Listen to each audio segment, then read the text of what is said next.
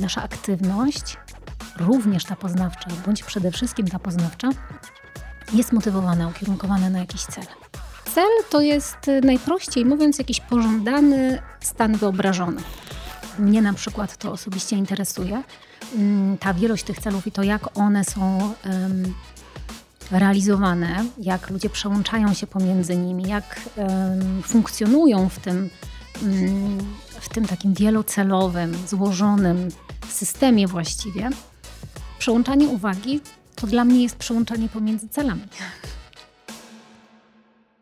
Moją dzisiejszą gościnią jest dr Ewa Szumowska, badaczka w Zakładzie Psychologii Społecznej Instytutu Psychologii Uniwersytetu Jagiellońskiego, specjalizująca się w badaniach e, nad celami, motywacjami, e, wielozadaniowością, ekstremizmem, a także nabywaniem wiedzy. Cześć Ewo. Cześć, dzień dobry. W jakim celu dzisiaj się spotkaliśmy tutaj? Spotkaliśmy się tutaj, żeby porozmawiać o psychologii i o tych rzeczach, o których wspomniałeś wcześniej. Czy y, pytając w ten sposób o cel, ja pytam o coś, o co wy badacie? Czy, czy tego rodzaju cele też są przedmiotem waszych badań, czy mówimy o innych celach w waszych badaniach? Tak, to, to jest przedmiotem naszych badań, tylko możemy powinniśmy założyć, że twój cel być może jest inny niż mój cel. I teraz ty możesz siedzieć tam z innym celem, z innym założeniem, a ja mogę przychodzić z trochę innym. No Mam myślę... nadzieję, że nasze cele są w tym momencie spójne i jesteśmy tutaj w tym samym celu.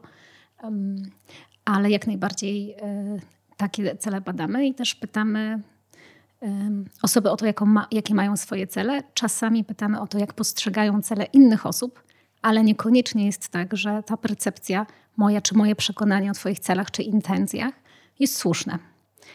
To ciekawe. A jak badacie cele? Rozumiem, że pytacie ludzi o ich cele, tak? Ale jak to pojęcie jest rozumiane w psychologii, jak jest operacjonalizowane i w jaki sposób jest mierzone? To jest, y, pytamy ludzi o cele, tak, ale bardzo często musimy mm, wytłumaczyć, co my pod tym pojęciem rozumiemy, bo ludzie mają też tendencję do tego, żeby rozumieć ten, y, to, to pojęcie w taki dość wąski sposób. My rozumiemy cele dużo szerzej.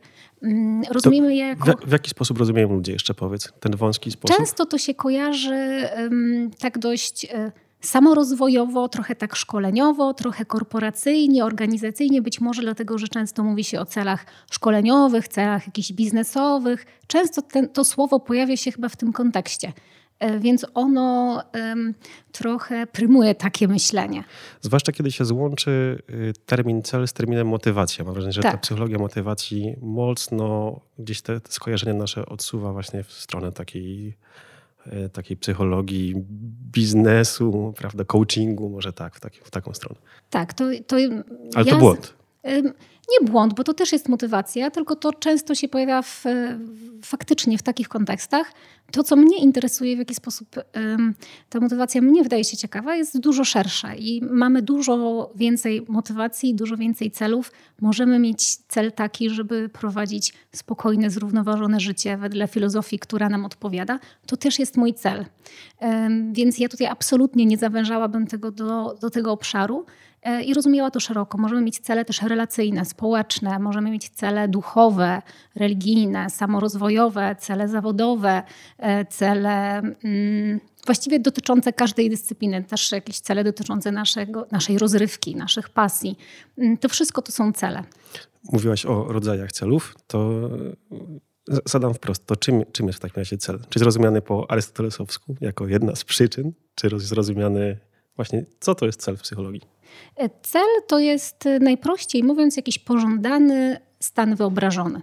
Czyli to jest coś, co ja sobie wyobrażam, mam jakiś stan końcowy w umyśle e, i to jest coś, co jest dla mnie pożądanego. Więc można powiedzieć, że to jest tyle. To jest dość takie proste rozumienie i obejmuje wszystkie te rzeczy, o których powiedziałam.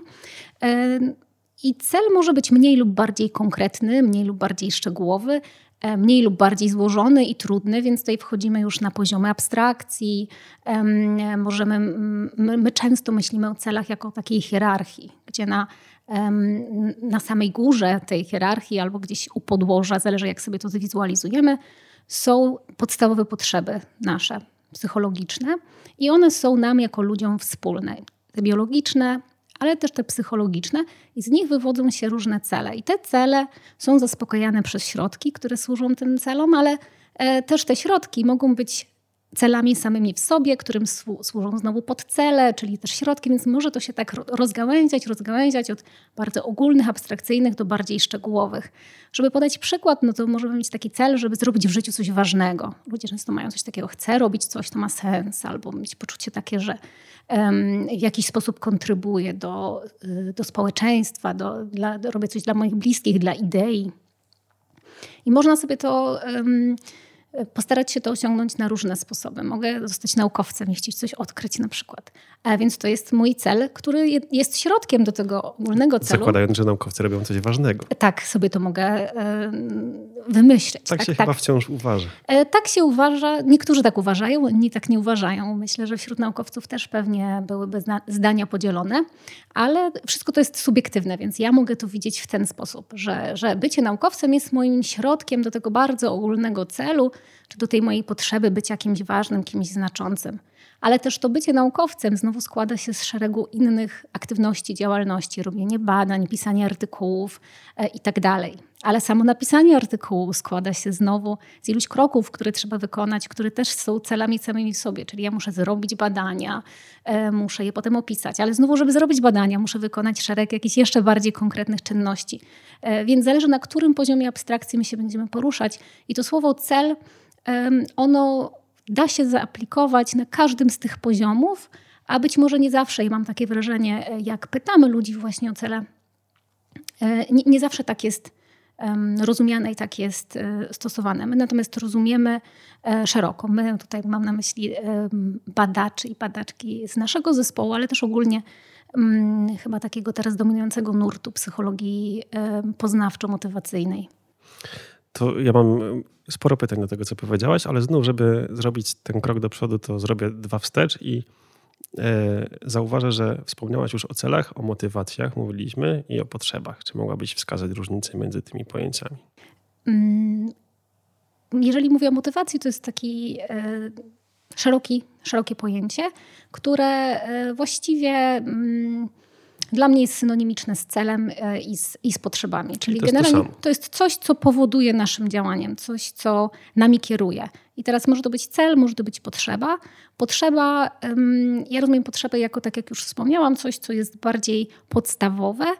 Mm, I z tej potrzeby wynikają cele. I te potrzeby ja tutaj głównie odnoszę się do tych potrzeb podstawowych, bo też klasycznie i historycznie. Podstawowych potrzeb psychologicznych, tak? Psychologicznych, tak, ponieważ ja się nie, nie jestem e, biolożką, nie znam się na potrzebach biologicznych czy fizjologicznych, ale wiemy, że mamy wszyscy, wszyscy potrzeby. Musimy jeść, musimy spać, musimy odpoczywać. To są nasze potrzeby biologiczne. Mamy takie potrzeby, które musimy je zaspokoić, żeby żyć po prostu.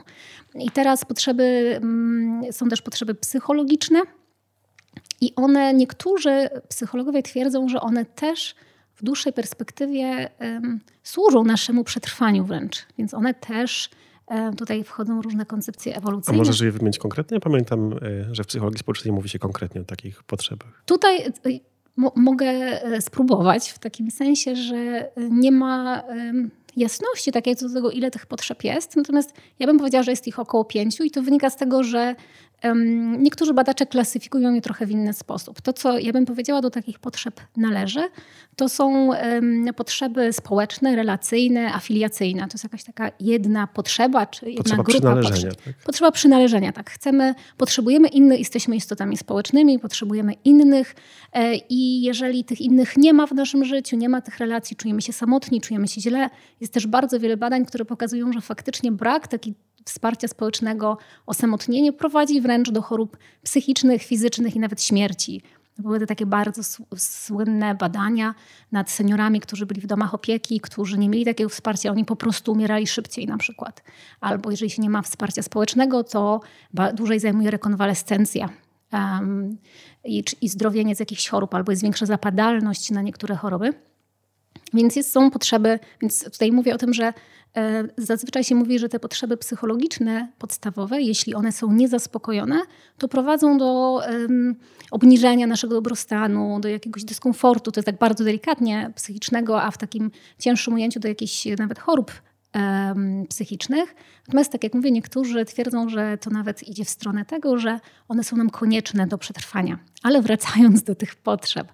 Um, oprócz tych potrzeb społecznych mamy takie potrzeby, które dotyczą um, poznania. To są nasze potrzeby, potrzeby poznawcze. Niektórzy powiedzą, że to jest potrzeba prawdy, jedni tak to nazywają, inni mówią o potrzebach epistemicznych, czyli do gromadzenia wiedzy, potrzeba poznania, e, potrzeba pewności, potrzeba rozumienia. Czyli to są taka, taka motywacja poznawcza. My chcemy rozumieć, chcemy mieć poczucie, że wiemy, co się dookoła nas dzieje, że my to rozumiemy i, um, i pobieramy nowe informacje po to, żeby w nas takie przekonanie budować. Potrzeba rozumienia świata. E, I taka potrzeba kompetencji, kontroli, sprawczości. Wymieniam te różne terminy, bo to w zależności od tego, którą, po którą klasyfikację sięgniemy, to te pojęcia mogą się różnić. One bardzo często są synonimiczne albo bardzo bliskie. E, więc chcemy mieć poczucie tego, że my się rozwijamy, mamy zdolności, jesteśmy aktywnymi aktorami w naszym życiu, możemy wpływać na otoczenie, możemy je w jakiś sposób zmieniać. E, inni powiedzą jeszcze, że powiązana z tymi albo osobna jest potrzeba mm, takiego osobistego znaczenia. My chcemy wiedzieć, że my jesteśmy ważnymi członkami grupy społeczeństwa, czyli bo potrzeby społeczne mówią o tym, że my potrzebujemy innych, potrzebujemy przynależeć. Um, ale też ostatnie badania pokazują, że to niekoniecznie chodzi tylko o przynależność. My chcemy przynależeć do grupy, ale chcemy wiedzieć, że ta grupa nas akceptuje, ta grupa traktuje nas jak kogoś, kto jest ważny, kto ma z jakiegoś powodu znaczenie, kto jest wartościowy. E, I więc to są takie wszystkie potrzeby, które, takie motywy właśnie, które e, wokół tej potrzeby są, um, często się pojawiają właśnie jakiegoś szacunku, akceptacji, wpływu, znaczenia takiego osobistego, tego ja jestem kimś ważnym, e, czy dla kogoś, dla mojej rodziny, dla mojej grupy, dla kraju. Tutaj różne są aspiracje wśród ludzi, różnie ta potrzeba się realizuje. Ale to bym powiedziała jest taki mm, arsenał potrzeb psychologicznych, które e, pojawiają się najczęściej. I te potrzeby, one dają nam początek celom, więc to jest różnica dla mnie między potrzebami a celami one mogą być realizowane na różne sposoby. Ja mogę realizować moją potrzebę osobistego znaczenia i też wpływu na otoczenie poprzez to, że na przykład będę dobrą matką i będę wychować moje dziecko tak, jak uważam najlepiej. Mogę chcieć zdobyć bardzo dobre wykształcenie, a potem mieć bardzo dobry zawód, mieć status, uzyskać jakiś, który dla mnie będzie wyglądał tak, że e, będę brać udział w podejmowaniu bardzo ważnych decyzji, albo będę mieć taki konkretny samochód, albo będę chodzić na takie konkretne miejsca, albo mm, ludzie będą się zachować względem mnie tak, albo ja będę się zachować względem nich tak. Więc tutaj już jest bardzo duża um, zmienność, bardzo duże różnice indywidualne i też kulturowe. To jak my pewne rzeczy widzimy, jak, e, jakie cele są dla nas ważne, bo cele trochę podpowiada nam kultura. Za tym warto dążyć, to jest coś dobrego.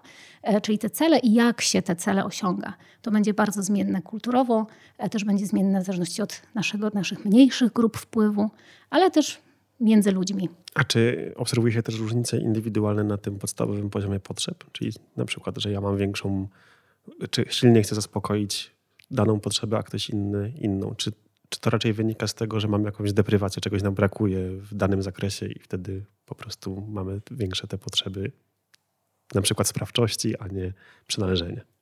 Jedno i drugie. E, więc i to i, i tak, i tak. E, I jeszcze bym powiedziała, dodała do tego kulturę. Czyli jeżeli mówimy o potrzebach podstawowych, to ich takim definicyjnym aspektem jest to, że one są wspólne wszystkim ludziom. Czyli my, my jako ludzie je mamy.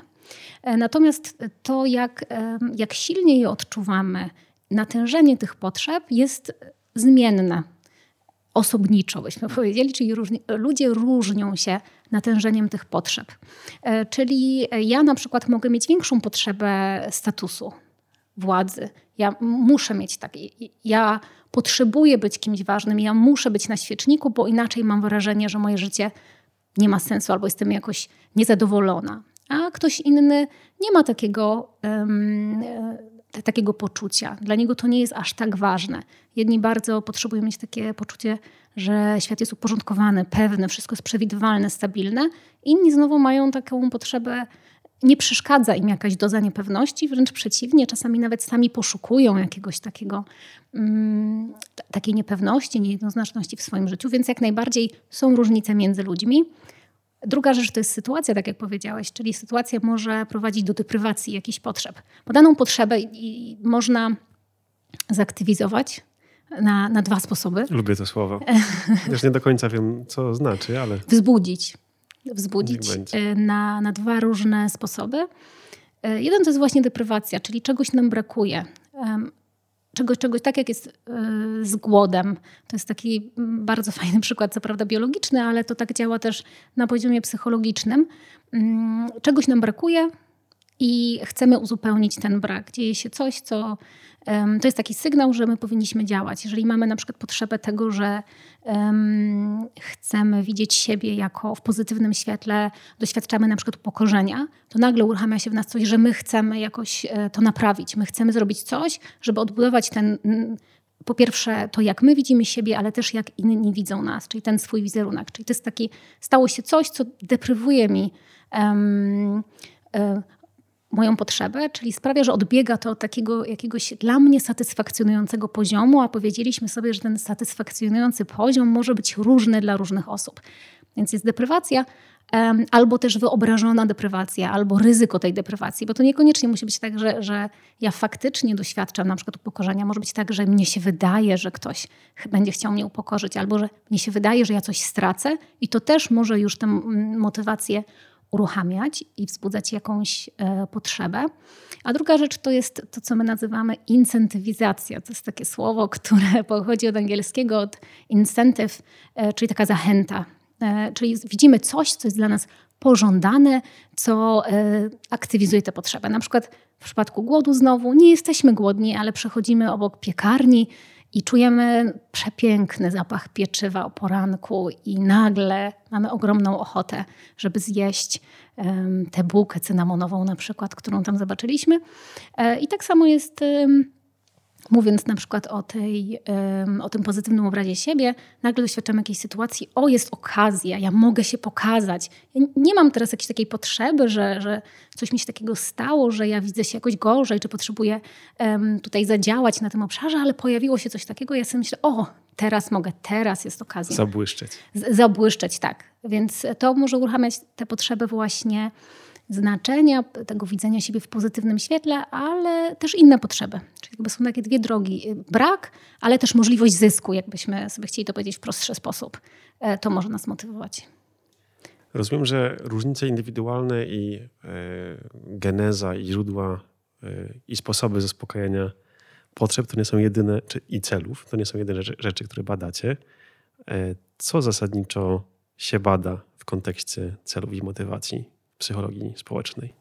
Co się bada? Bada się bardzo wiele rzeczy. Ja mogę tylko powiedzieć, co my badamy na przykład. To miało być moje drugie pytanie. Aha, dobra. To, to może powiem najpierw szerzej, co, co, co wiem, że badają inni. Można badać treść celów, czyli co, co, ludzi motywuje, jakie ludzie mają cele, e, czy to są cele z, obszaru, z jakich obszarów, na przykład z jakich dziedzin, e, czy te cele różnią się poziomem ogólności, trudności, więc generalnie można badać treść motywacji. To jest jakby jedna rzecz. I jak te cele i ich realizacja różni się w zależności od tych różnych kryteriów. Można badać strukturę motywacji, czyli niekoniecznie treść tego, co mnie motywuje, tylko na przykład e, ile ja mam tych celów, jak one są ze sobą powiązane, jak wygląda ta struktura celów, czy one tworzą hierarchię, czy nie, czy jest dużo, czy one są ze sobą powiązane pozytywnie i negatywnie, w sensie takim, czy e, moje cele wszystkie są jakoś ze sobą spójne i harmonijnie tworzą pewną całość, czy one są w konflikcie na przykład. Mm. Przez hierarchię rozumiesz to, co mówiłaś wcześniej, że dążenie, że jakiś cel może składać się z wielu mniejszych celów, tak? Tak, to, to tak, tak. E, więc można badać też tę strukturę i też jak e, zmiana w tej strukturze mm, wpływa na zachowanie. Można badać cele.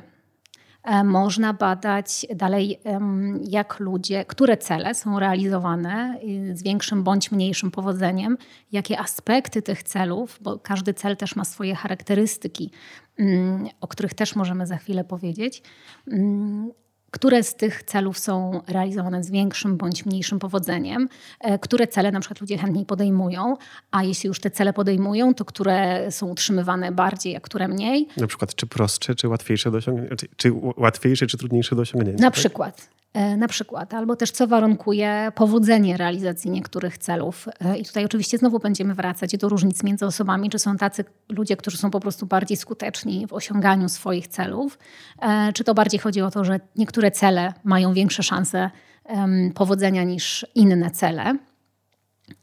Więc od momentu uruchomienia tego procesu, od samego celu, do tego, jak chcemy go zrealizować w działaniu, więc możemy ten cały proces też analizować.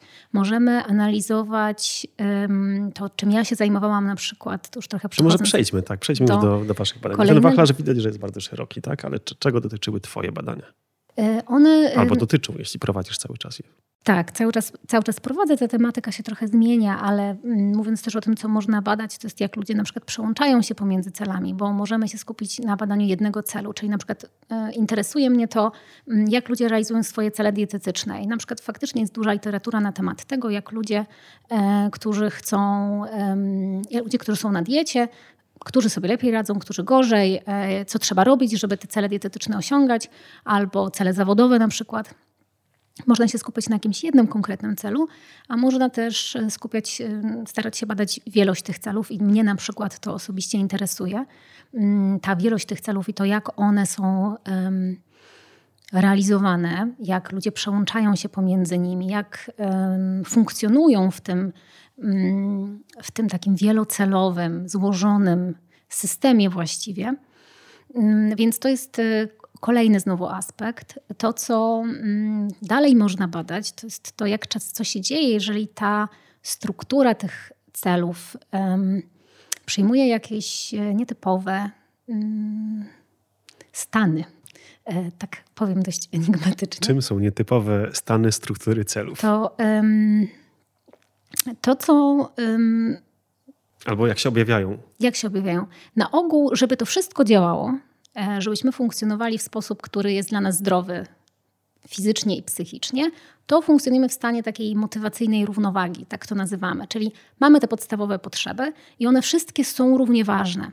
E, oczywiście mówiliśmy sobie o tym, że te cele, mm, każda potrzeba może dać początek kilku celom i, i to się różni, ale generalnie te potrzeby mamy wspólne i one są równie ważne. E, musimy je osiągać, żeby to zdrowie fizyczne i psychiczne zachować. I tutaj oczywiście też e, włączają się te potrzeby biologiczne. Czyli musimy się pomiędzy nimi przełączać w taki optymalny sposób.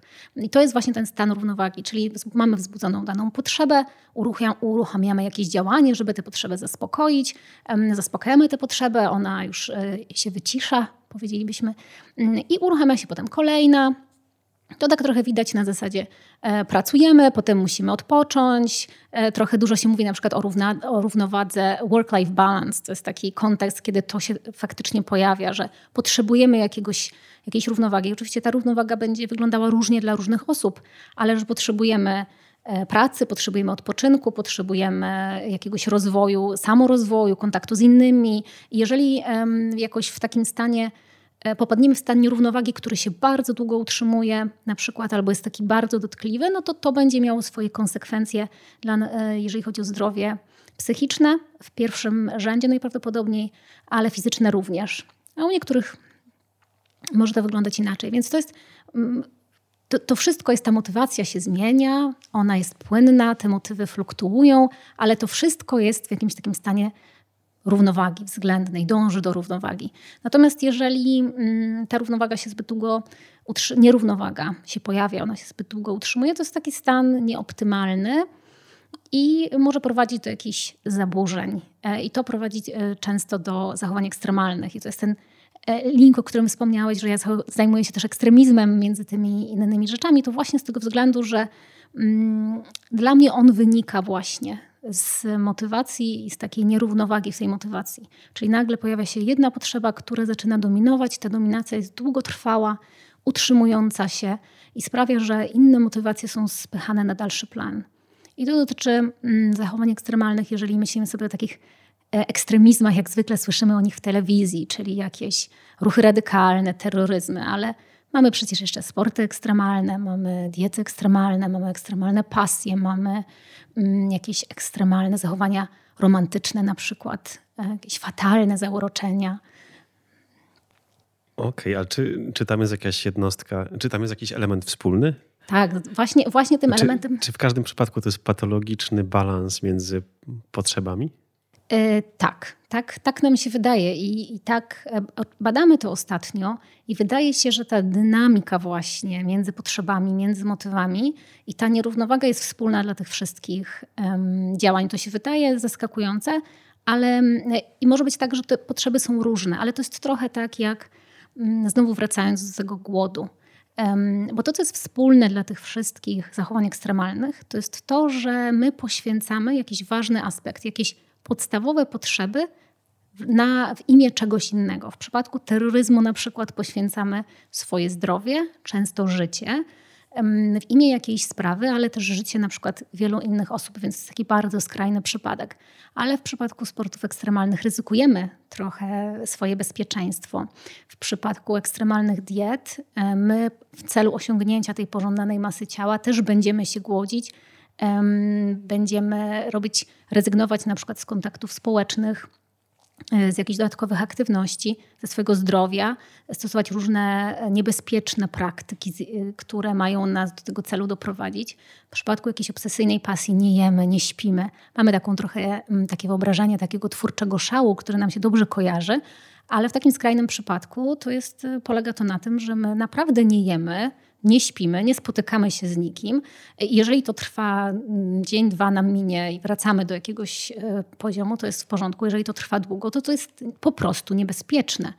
Mm, są też osoby, które w imię na przykład bardzo pożądanych społecznie kwestii, na przykład w imię jakiejś sprawy, albo żeby pomagać innym, e, też się poświęcają, ale to poświęcenie może być w sposób taki ekstremalny, w imię bardzo dobrej, pozytywnej sprawy, ale z punktu widzenia psychologii jednostki ono też może być kosztowne po prostu. Więc tutaj ten, um, mówimy o tym ekstremizmie w takim właśnie psychologicznym sensie na razie. Nie wiem na ile będziemy rozmawiać w innym, ale chodzi o to, jak wygląda psychologia tego zjawiska po stronie osoby. I tam faktycznie wydaje się, że mm, wspólna jest ta dominacja jednego motywu kosztem innych, co sprawia, że wtedy te inne motywy łatwiej nam poświęcić albo sobie zapomnieć o tym, ale one będą o sobie przypominać, bo taka jest trochę ich, um, ich idea, to będziemy je aktywnie um, hamować, będziemy udawać, że, że tego nie ma. I to doprowadzi do tego, że um, będziemy ponosić koszty, potem psychologiczne, często też biologiczne. Nasi bliscy mogą ponosić koszty. To rzeczywiście te cele i motywacje są takim, e, taką osnową Twoich badań. Teraz to widzę wyraźniej. E, między od, od zaburzenia w balansie między celami, potrzebami motywacjami można przejść do ekstremizmu rzeczywiście. Natomiast od y, przełączaniem się między celami można przejść do wielozadaniowości. Może trochę teraz o tym porozmawiajmy. Dla mnie na początku to było zaskoczenie, ponieważ ten termin raczej kojarzyłem z psychologią poznawczą mhm. i z procesami uwagowymi. Raczej kojarzyłem to z przełączaniem uwagi niż z przełączaniem pomiędzy celami. Ale chętnie się dowiem, e, co wy badacie w tym zakresie i, i jak. Mhm. Przełączanie uwagi to dla mnie jest przełączanie pomiędzy celami.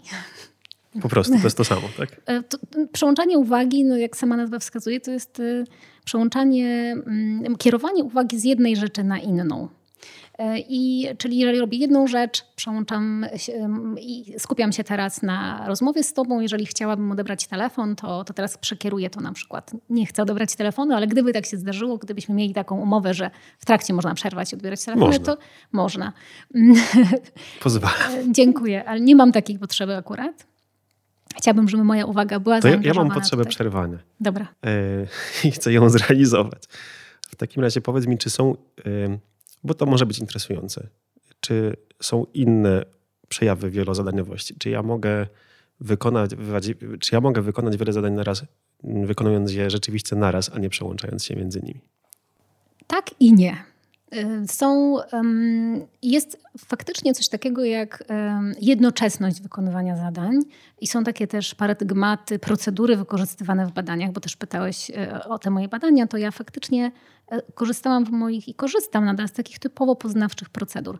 Więc są tak zwane zadania jednoczesne, które polegają na tym, że trzeba te zadania wykonywać w tym samym czasie. Czyli na przykład na jednej stronie ekranu widzisz takie zadanie, gdzie masz rozwiązywać równania matematyczne na przykład, a na tej stronie ekranu musisz um, reagować na pojawiające się litery albo utrzymywać jakąś strzałkę w odpowiednim no momencie. Myślę, że raczej coś w stylu, że rozwiązujemy zadania matematyczne czytane na głos i musimy odpowiadać, czy to jest głos męski, czy żeński. Też, też są takie warianty. Tych wariantów jest bardzo dużo oczywiście, w zależności od tego, co chcemy badać, co nas interesuje, ale są takie procedury i faktycznie um, ta jednoczesność to, występuje. Co, to, co ty mówiłaś, raczej mi się kojarzyło z tymi badaniami Rogera Sperego, że jest tym podzielonym mózgiem, że gdzieś Aha. w jednej stronie ekranu, po lewej stronie widzi się coś, a po prawej coś. A rozumiem, że to nie jest związane. Z... Być może, być może takie podobne procedury mm, były wykorzystywane też w tym kontekście, ale mm, my, my używaliśmy podobnych zadań do badania wielozadaniowości. Więc ta jednoczesność, przynajmniej na poziomie procedury, występuje. Natomiast to, co mówią badacze i na co pokazują badania, to że czasami i nam też może się wydawać, że my wykonujemy te zadania jednocześnie.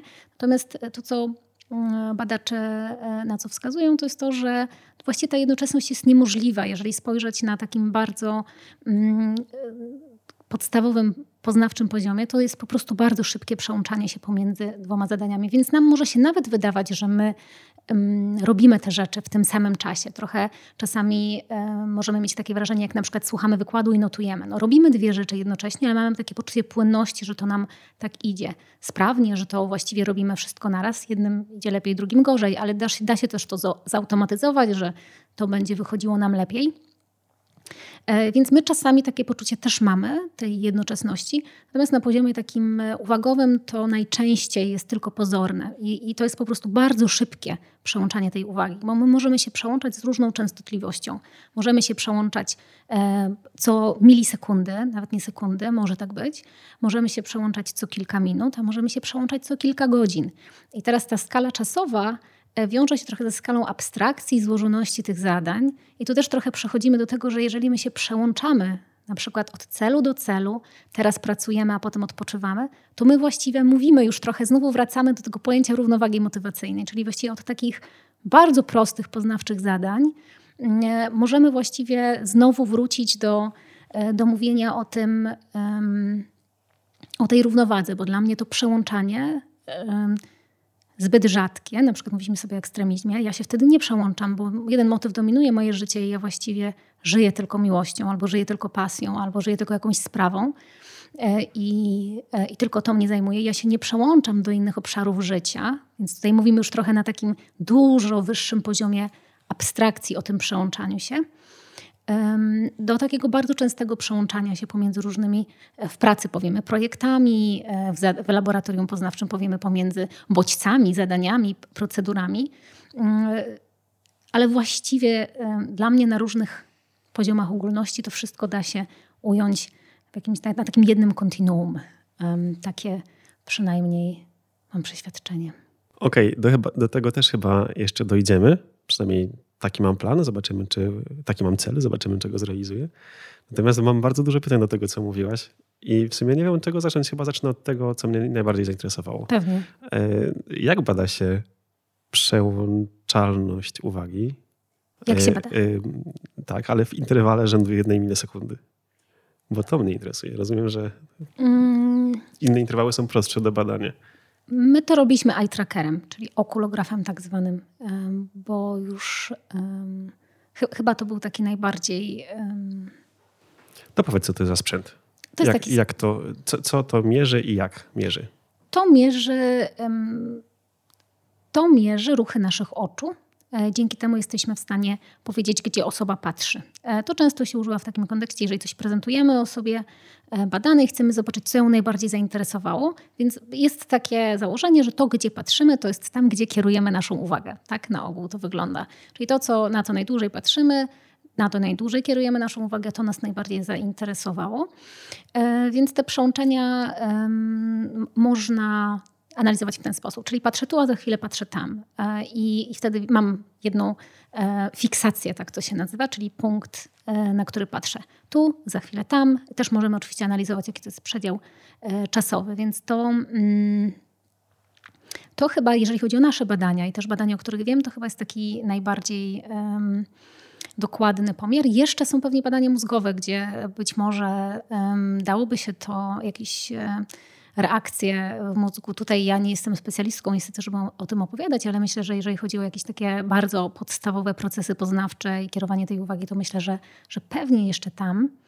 Um, aczkolwiek ja mm, też czasami wydaje mi się, że, że ta jednoczesność albo prawie jednoczesność istnieje. To zależy też oczywiście od, e, od tego, jakie czynności bierzemy pod uwagę, ale na przykład jeżeli idziemy i żujemy gumę, to możemy powiedzieć, że to jest jednoczesne. Albo rozmawiamy przez telefon. Albo rozmawiamy przez telefon. Zwłaszcza na słuchawkach. E, to też, więc to jest możliwe albo prawie możliwe, to jest oczywiście różne. W laboratoriach um, często badamy zadania poznawcze na przykład, więc wiadomo, wtedy mamy taką walkę o zasoby, bo mamy tę samą pulę e, zasobów, więc wtedy to jest jakieś tak bardziej konkurencyjne. Jeżeli mamy za, um, zaangażowanych więcej modalności, czy na przykład zmysłów, to jest to łatwiejsze, bo wtedy ta konkurencja jest mniejsza, ale nawet z tym rozmawianiem przez telefon, jak idziemy, to też jest tak, że jeżeli to jest proste i nie wymaga naszej dużej uwagi, no to da się to robić, ale w momencie często, e, nie wiem, czy, czy ty tak miewasz, ale jak jest coś trudnego albo dostajemy jakieś informacje, które są dla nas szokujące,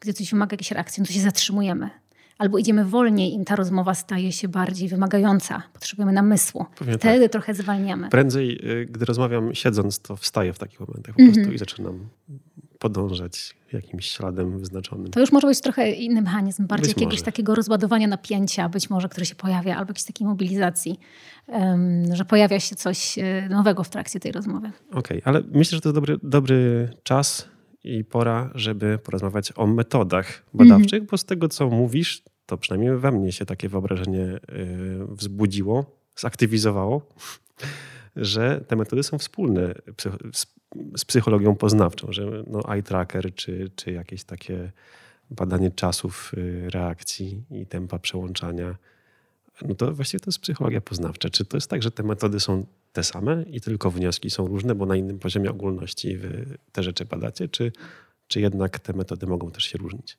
A właściwie te, te badania, którymi ja się zajmuję i którymi sporo się zajmuje teraz psychologów społecznych, to właściwie są takie bardziej na styku, więc to czym ja się zajmuję właściwie to jest taka psychologia poznawczo-społeczna, właściwie poznawczo-motywacyjna, więc jak najbardziej ja do tych metod z psychologii poznawczej sięgam.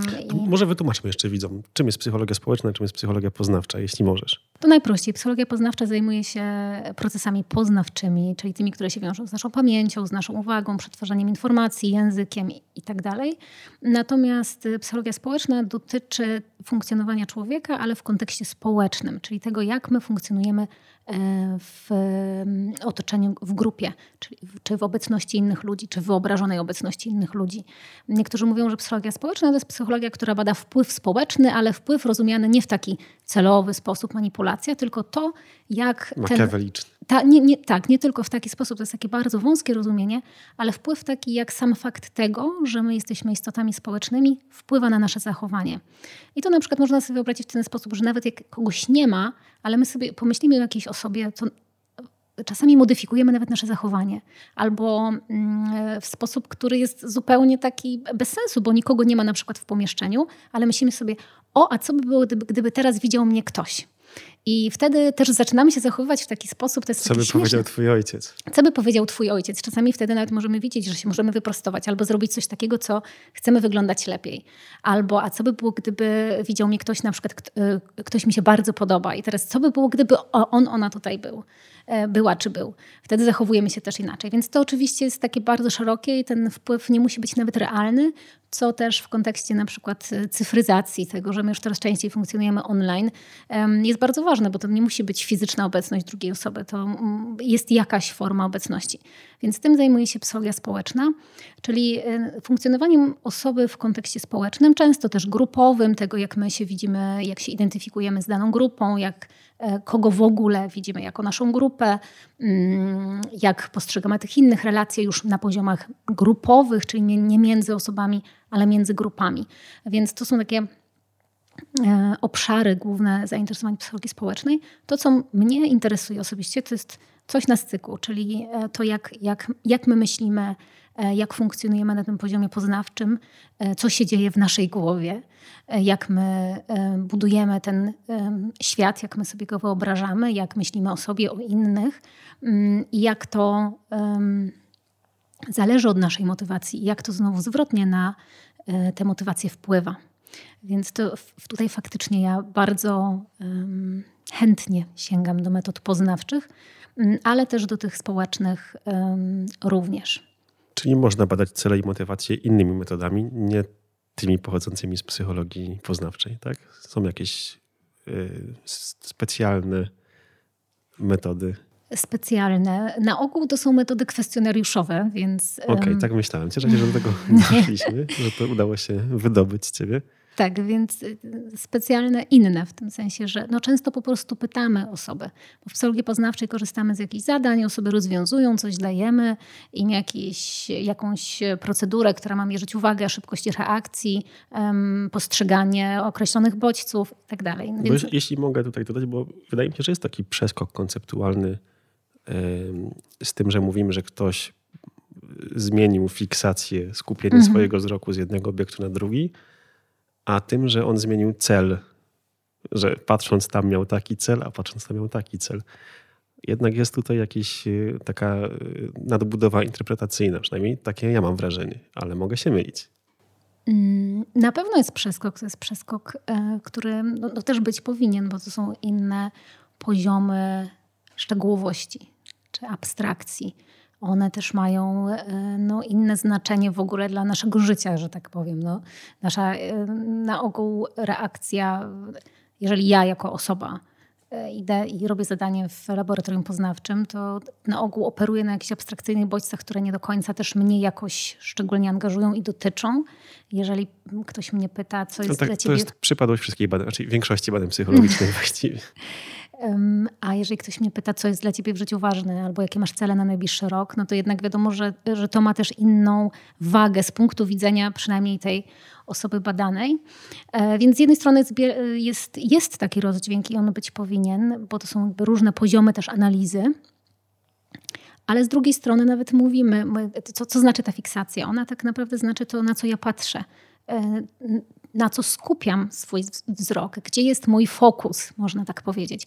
I teraz, jeżeli mówimy, mówimy często w życiu, że ca- ja teraz całą teraz, moją. Teraz dokonujesz tej interpretacji właśnie. Tak, że całą moją uwagę skupiam teraz na tym. Mówisz często, ja teraz skupiam całą moją uwagę na tym, żeby się rozwijać.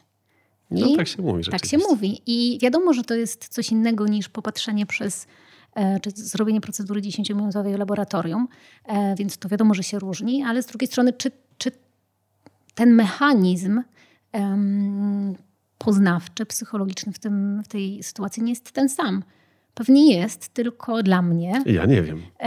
Dla mnie jest, tylko to jest inny poziom analizy zupełnie, więc też możemy analizować coś na bardzo dużym poziomie ogólności, możemy schodzić też do procesów poznawczych, możemy iść do procesów neuro, neurologicznych, e, więc możemy tu i wręcz też biologicznych, możemy zejść na, na poziom biologii. Są, są badania neuro, badania neuro poznawcze, powiedzmy, neurokognitywne nad celami i motywacjami? Nad celami. Um, chyba tak, pewnie, pewnie są, nie wiem, nie wiem.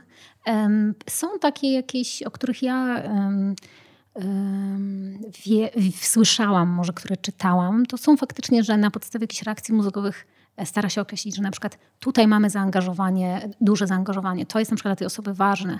Ta reakcja świadczy o tym, że, że ta osoba może w, w, przywiązuje do tego jakąś taką dużą uwagę, to znaczy, że to jest dla mnie motywacyjnie istotne na przykład.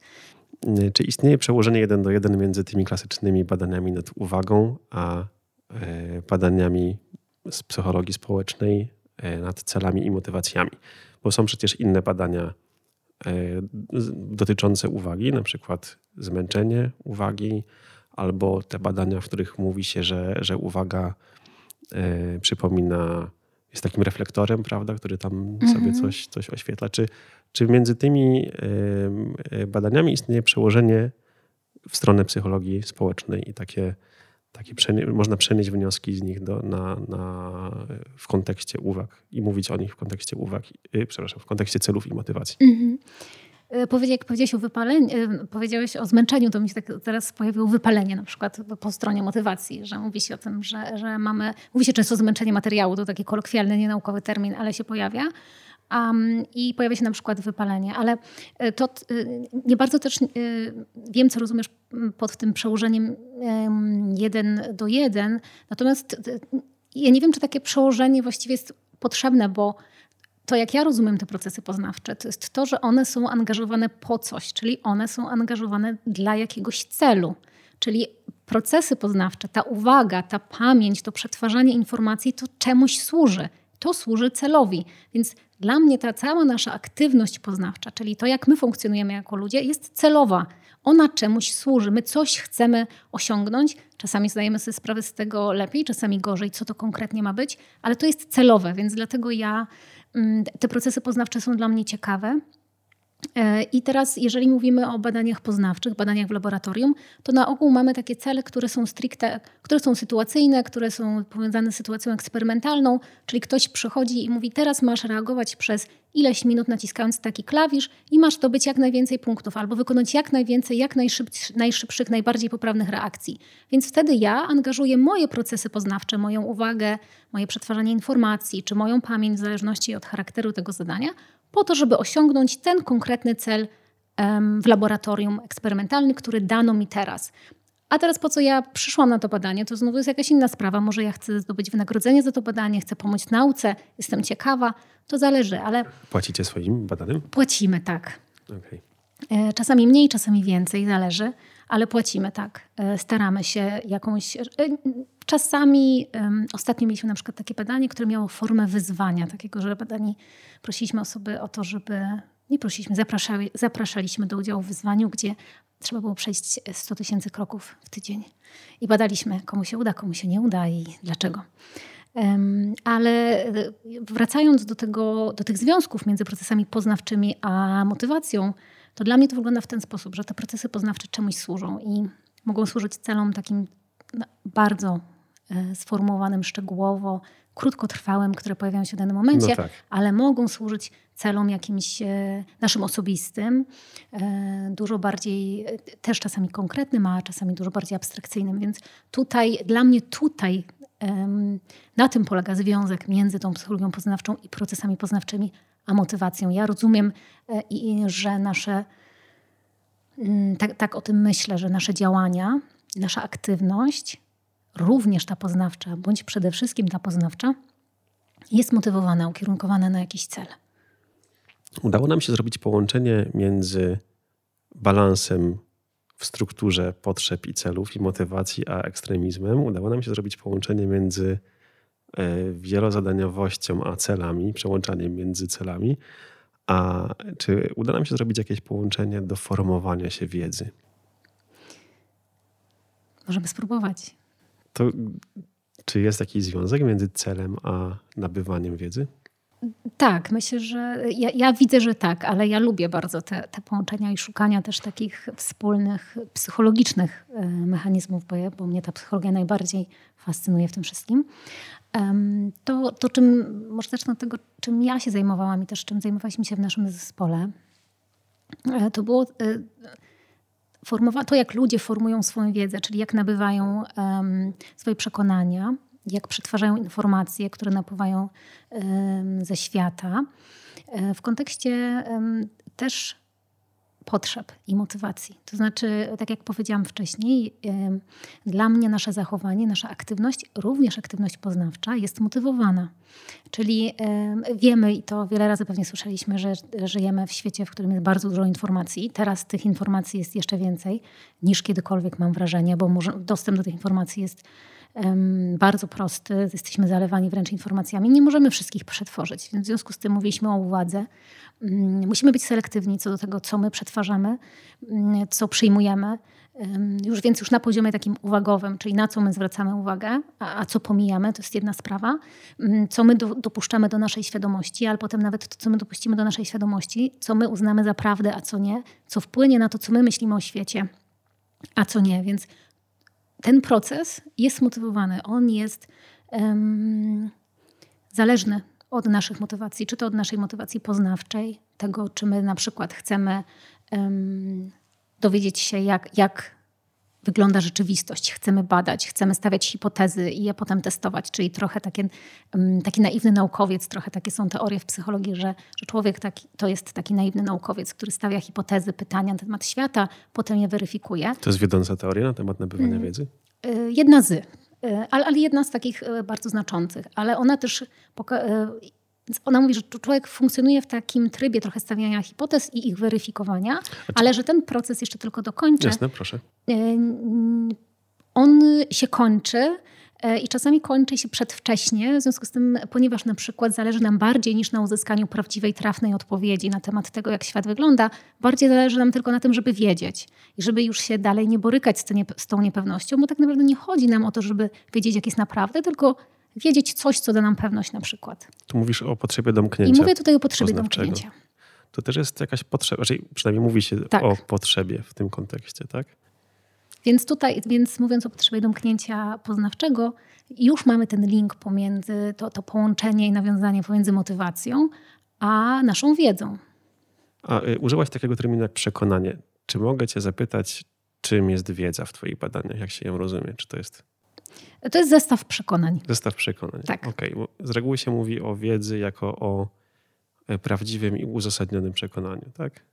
Mhm. Przynajmniej ja się spotykam z taką definicją. Może ona jest e, niewłaściwa dla psychologii. Jest, ja rozumiem wiedzę, bo jeżeli mówimy o, o wiedzy, ja rozumiem, o wiedzy, rozumiem wiedzę tak jako system przekonań danej osoby. E, I faktycznie może się okazać, że ta wiedza, którą ja posiadam, ona jest niez, niezgodna z tym, co się powszechnie uważa, bądź co na przykład naukowe wyjaśnienia podają. Ale często z, z mojego punktu widzenia, subiektywnie, ona jest prawdziwa. Okay, czyli nazywasz to cały czas wiedzą, a nie przekonaniem. Um, czy tak, to jest to samo wiedzą, jeżeli, e, Bardziej mówimy o przekonaniach faktycznie, więc może ta wiedza tutaj e, nie jest najlepszym określeniem. Więc e, tak, to mogłoby być wiedza przez małe W, a, a nie wiedza przez duże W, która jest obiektywnie jakoś e, prawdziwa, o ile coś takiego e, funkcjonuje. Aczkolwiek tak, częściej mówimy o przekonaniach, żeby nie było, że ja tutaj wymyślam jakieś nowe kategoryzacje na wiedzę, wiedzę prawdziwą, wiedzę nieprawdziwą. E, wiedza bardziej jako zestaw, system przekonań danej osoby, czyli to, co ja myślę o świecie, też to, co myślę o sobie. Mm, też mnie na przykład interesuje to, jak ludzie przetwarzają informacje na swój temat też, bo tutaj mamy do, do czynienia, tutaj wpływ motywacji jest bardzo duży. Badasz przetwarzanie tej informacji, czy ich nabywanie? Mm, to zależy od, od jakiegoś konkretnego pytania, bo, bo zdarzało mi się jedno i drugie, czyli to na ile jak osoby na przykład poszukują informacji, które mają dostępne, jak, jakie przeszukują, czy chcą ich więcej, czy mniej, czy to jest jakieś selektywne treściowo jakoś e, ukierunkowane. Czyli tutaj bardziej interesował mnie ten proces pobierania informacji na przykład, ale też takiego przetwarzania, czyli na ile ja poświęcam danej informacji uwagę, na ile nie, na ile ją przyjmuję, odrzucam, na ile mm, dopuszczam jakoś y, możliwość, że ona może wpłynąć na, na moje przekonania i je jakoś zmienić. Czy Twoje badania potwierdzały tą hipotezę, że człowiek najpierw sobie tworzy jakąś, e, jakąś ideę, jakąś myśl, a potem ją testuje jak naiwny naukowiec, czy, czy raczej one były w innym paradygmacie prowadzone.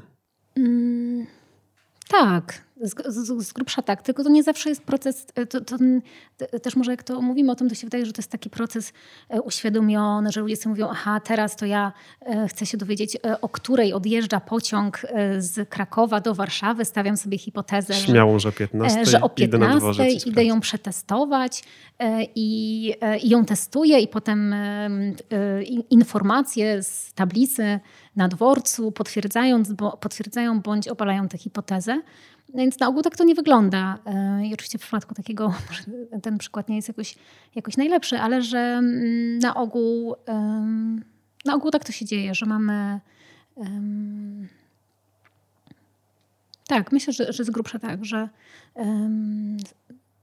mamy przynajmniej jakieś wyobrażenie na temat e, tego, jak może coś wyglądać, i potem um, i potem pobieramy informacje, które mają weryfikować to tak czy nie. Czasami mamy już jakąś tezę, którą chcemy potwierdzić, niekoniecznie chcemy ją obalić. To znaczy mamy dużo badań, które pokazują, że mamy ten błąd potwierdzania, czy yy, błąd konfirmacji, jak to się czasami mówi, czyli my już coś wiemy i właściwie przeszukujemy informacje w sposób selektywny, tylko po to, żeby potwierdzić to, co, to, co już wiemy. To często, jeżeli są jakieś takie przekonania, one są często jakoś ideologicznie uwikłane na przykład, to niekoniecznie chcemy je obalić. My mamy jakieś przekonania i dużo nawet możemy czytać, ale tylko po to, żeby, żeby się utwierdzić w tym, że my wiemy, jak to jest. A więc wtedy ten cel to niekoniecznie jest taki, że mm, zależy nam naprawdę, znowu wracamy do tego rozróżnienia, zależy nam na jakimś konkretnym utwierdzeniu się w tym, że, że my mamy rację. Bo czasami to chodzi nam o to, żeby mieć rację, a nie żeby wiedzieć. To, to też zależy. Ewo, czy zrealizowałaś cele, z którym tutaj do nas przyszłaś do studia? Myślę, że tak. Przynajmniej w, jakimś, w jakiejś części. Mam w jakiejś części. Może tak. chcesz y, nadrobić jeszcze i w jakiejś części ten cel zrealizować? Czy jest coś, o czym chciałabyś jeszcze powiedzieć? Mam wrażenie, że dzisiaj y, zahaczyliśmy o kilka różnych bardzo tematów, wątków, y, więc wydaje mi się, że skoro udało nam się to wszystko połączyć y, w miarę jakoś, albo podjęliśmy taką próbę, to chyba dobrze to bardzo dziękuję Ci e, za tą opowieść o celach i motywacjach, a także o ekstremizmie, wielozadaniowości, uwadze psychologii poznawczej, psychologii społecznej. Dzięki Ewa. Dziękuję Ci również. Do usłyszenia. Do usłyszenia.